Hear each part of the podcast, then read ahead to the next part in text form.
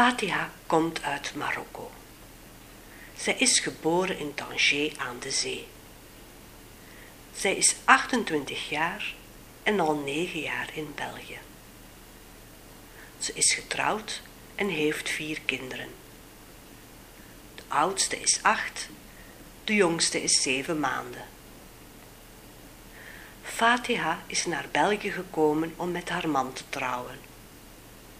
Ze maakt zelf kleren, dat doet ze heel graag en kan ze heel goed.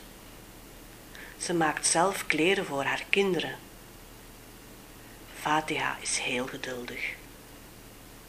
Fatiha wil graag studeren als de kinderen nog wat groter zijn. Ze wil een opleiding volgen bij de VDAB. Ze zou graag werken in een crash.